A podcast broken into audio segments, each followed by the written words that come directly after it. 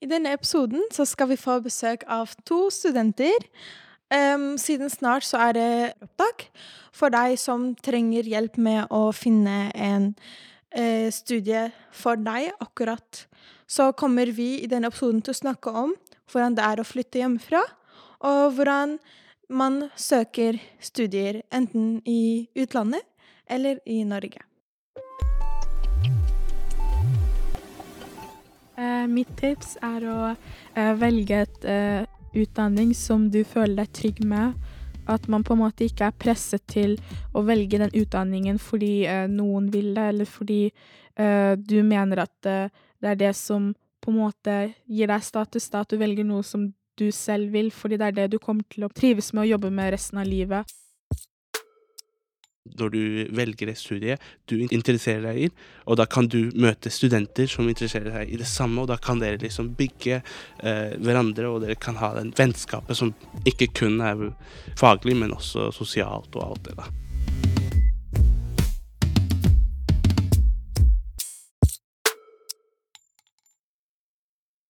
Hei og velkommen til Uropoden. I dag er det meg, Aisha og Bella som skal intervjue to studenter, og temaet er studie.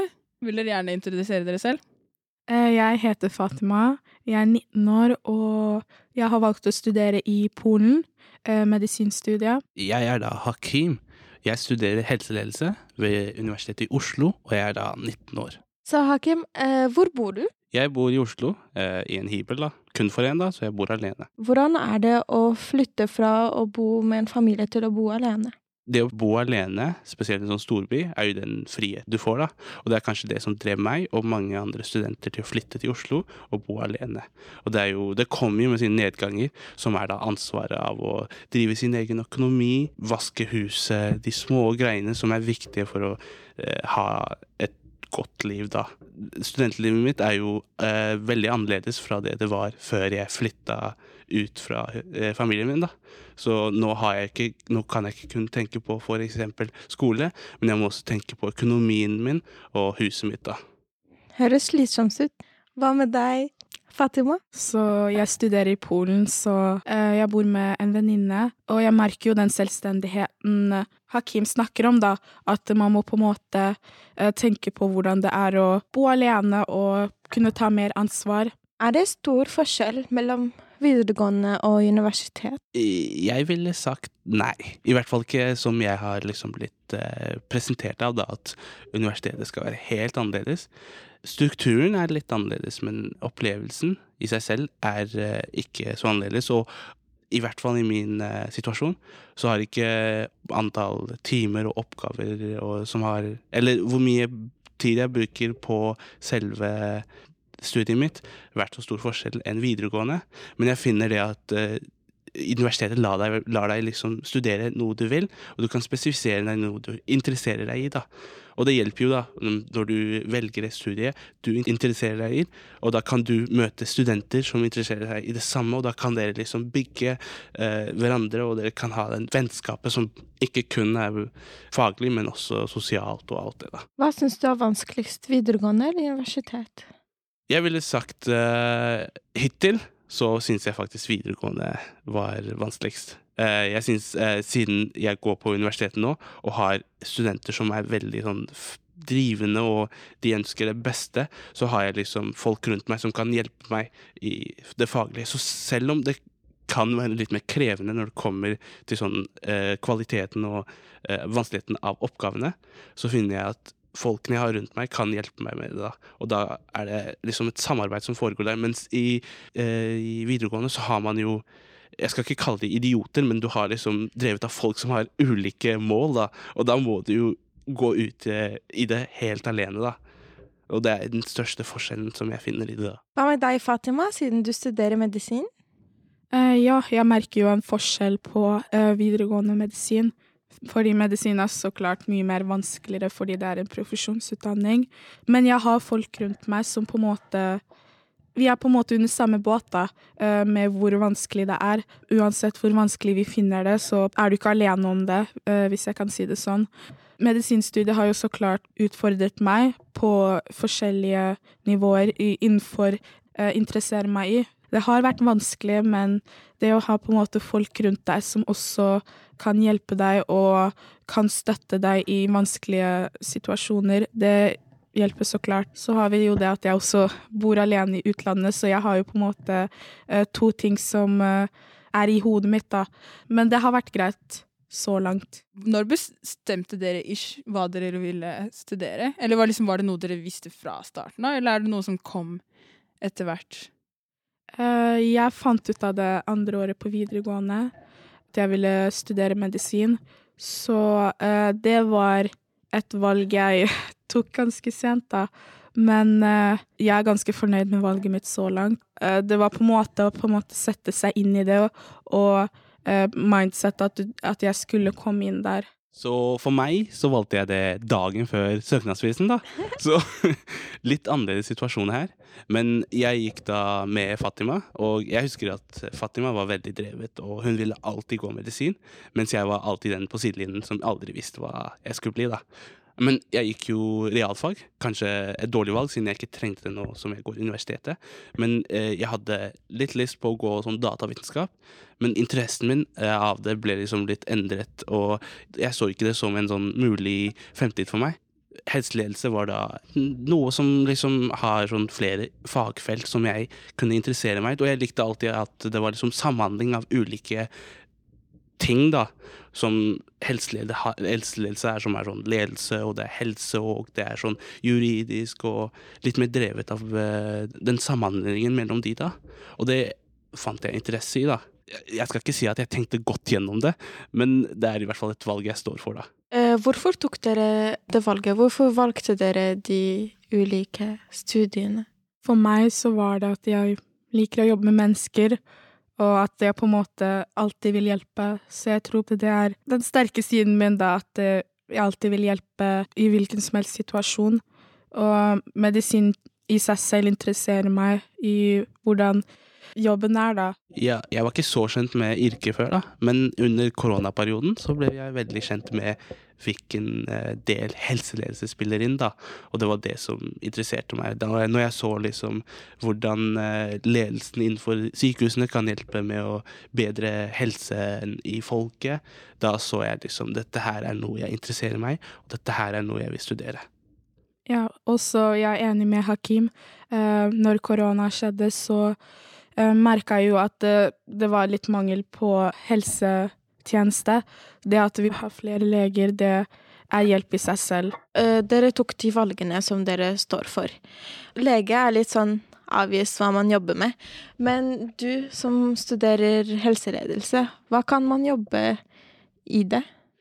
Så hovedfokuset er jo da å ta statens dems interesser når det kommer til helsen til befolkningen, og så liksom prøve å få det til innenfor eh, f.eks. sykehus og omsorgshjem. da. Så det betyr at helseledelsene de kan da drive målene staten har, ved å f.eks. i sykehusene sette inn antall det budsjettet de får, f.eks., og bruke det til å gi ulike tjenester. da. Så de driver fram sykehusene og omsorgshjemmene og hjelper til da med å få til de ulike målene som trengs for å bedre helsen. da. Hadde dere ønsket at dere hadde tatt eh, friår? Nei, det virket ikke min type ting å gjøre å ta friår, så jeg er veldig glad for at jeg startet rett på utdanning, fordi jeg klarer meg bra så langt. Eh, nei her for meg også. Jeg ville alltid gå og studere rett etter videregående.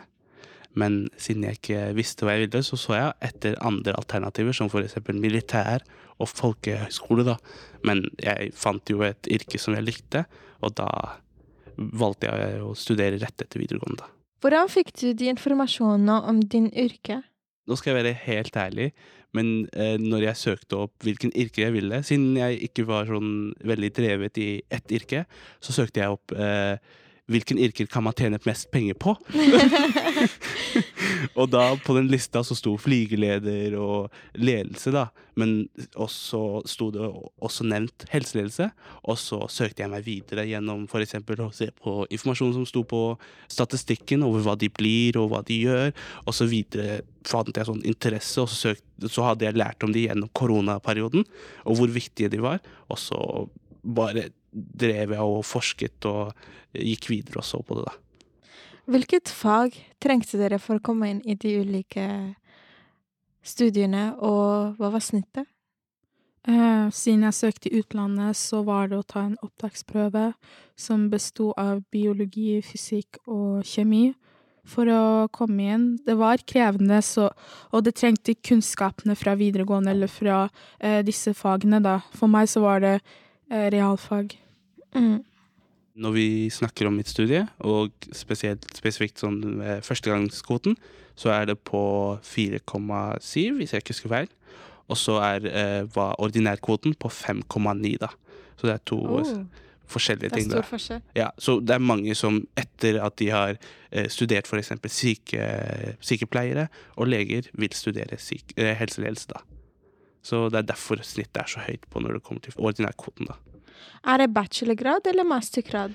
Eh, bachelor til å starte med, men du kan videreutdanne Ah, deg. ah, så, fordi det finnes studier som er rett fem med en gang. Ja, og for meg så var det eh, seks år mastergrad. Hva vil du eh, spesifisere deg i? Først så tenkte jeg kardiolog, eh, de som jobber med hjertet.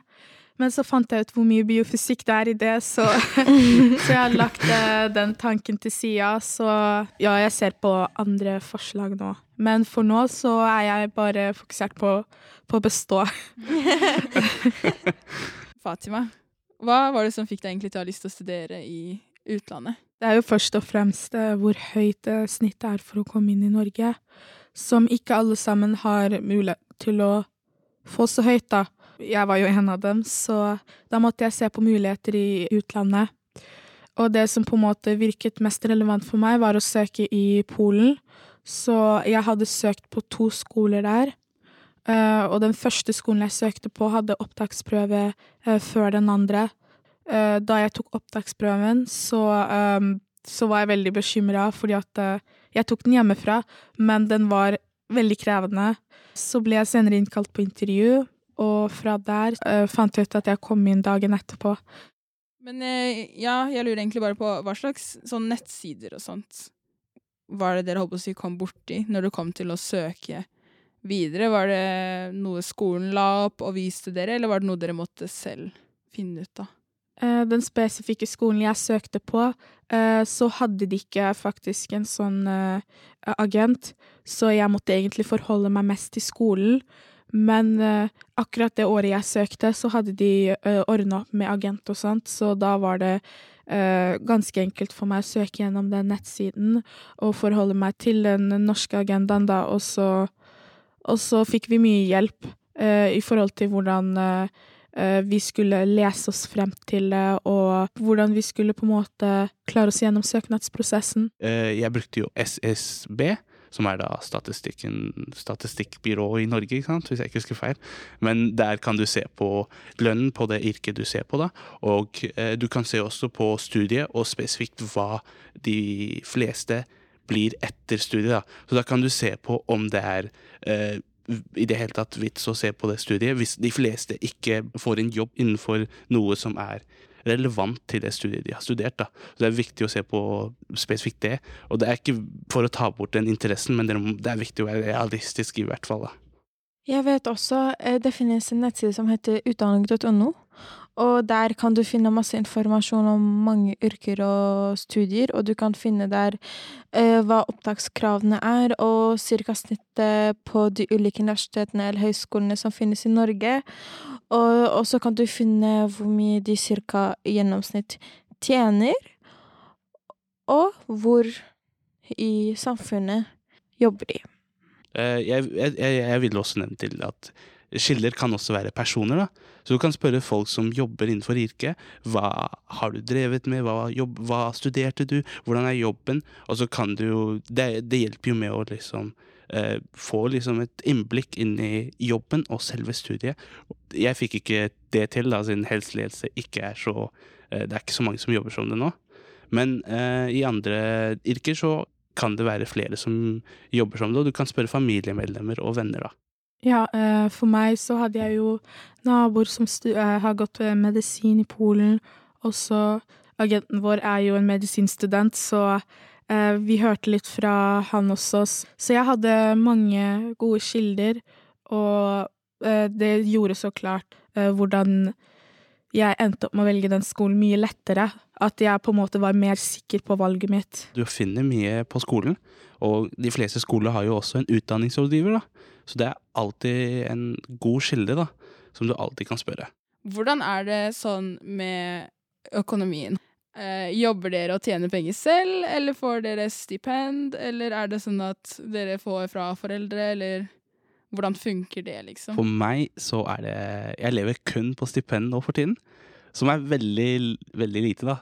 Men eh, siden jeg har en høy eh, leie, da, så må jeg ta fra sparekontoen min.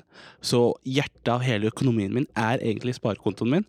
Og siden jeg vil, jeg vil gi det tipset til de andre, slik at for meg så har det hjulpet mye. Og det er å jobbe før du studerer, og ha liksom litt penger til å kunne liksom nyte deg selv og kunne leve av hvis du ikke får det nøyaktig det hybelen du vil ha, som var på nøyaktig den prisen du trenger. Og det var viktig for meg, da, siden eh, hvis uten den sparekontoen, så hadde jeg kun levd av moren og faren min, holdt jeg på å si. da. Eh, ja, jeg er enig. Få dere jobb eh, før dere starter på eh, høyere utdanning. Eh, fordi for meg så jobbet jeg hele sommeren. Det hjalp meg akkurat til eh, husleie og sånt. Det er et veldig fint tips å gi til dere. Og eh, måten jeg lever på der, det er jo ganske billig. Uh, så husleia mi er helt OK, og så lever jeg av uh, lån og stipend, fordi jeg må betale skolepenger. Men de dekker 40, 60% så må jeg betale 40 Så for meg så er jeg ikke veldig begrenset. Har akkurat nok fordi at jeg søkte maksimum stipend, nei, stipend og lån. Ja, jeg tror jeg lever litt bedre enn norske studenter. Kan dere sånn gi tips til ungdommer som er i videregående og vet ikke hva de vil studere videre? Eh, mitt tips er å eh, velge et eh, utdanning som du føler deg trygg med. At man på en måte ikke er presset til å velge den utdanningen fordi eh, noen vil det, eller fordi eh, du mener at eh, det er det som på en måte gir deg status, da, at du velger noe som du selv vil, fordi det er det du kommer til å trives med å jobbe med resten av livet. Hvordan reagerte foreldrene dine på det? Eh, mine foreldre, de eh, var ikke så eh, gira på at jeg skulle studere i utlandet, men det tok mye overbevisning og prat, og på en måte at det er trygt å være der, og at, at det er på en måte bra, en bra skole og et bra sted å studere.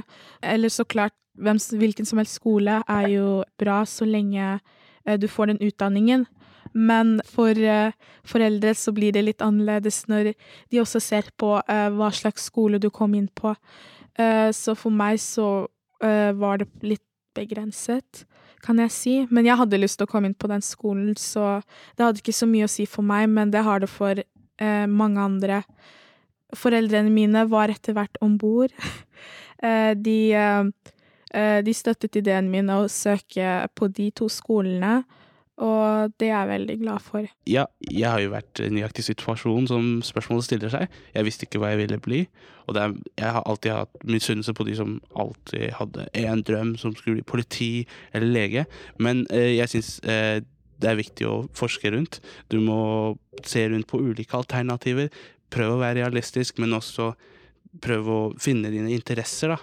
Og det er kanskje ikke et spesifikt eh, svar til spørsmålet, men eh, jeg håper det kan hjelpe de fleste elevene som trenger det, da. Tenker du det er mulig å jobbe når man studerer? Eh, Det kommer helt an på hvilket studie du velger. Og eh, i min situasjon så kan jeg Jeg kan det i hvert fall. Har ikke funnet en jobb, men du må se på ulike Hva studiet krever av deg, da. Og så må du se på hvilke alternativer du har av jobb. Og de fleste kan ikke ta en fulltidsjobb mens de studerer, så det kommer an på hva, hva din situasjon er, da. Vi sier takk til eh, dere som kom på besøk her hos oss. Ja, takk for at vi fikk komme. Ja, takk for meg, da. Ja, og til dere der ute, masse lykke til. Jeg håper dere finner ut av hva dere skal søke. Kanskje ser vi dere neste år, da. Goodbye! OK, takk. Ha det. Ha det. Dere finner Uropodden på eh, Instagram, Snapchat og TikTok. Ellers er det bare å legge igjen en kommentar eller sende en melding hvis det er noe dere vil vi skal snakke om, eller tilbakemeldinger generelt. Uropodden gis ut av Drammen og Omegns tros- og livssynsforum. Ingeborg Alteren er produsent. Ravlin Kaur Pander er konsulent. Sjekk nettsida vår uro.dotel.no, og søk etter Uropodden i sosiale medier.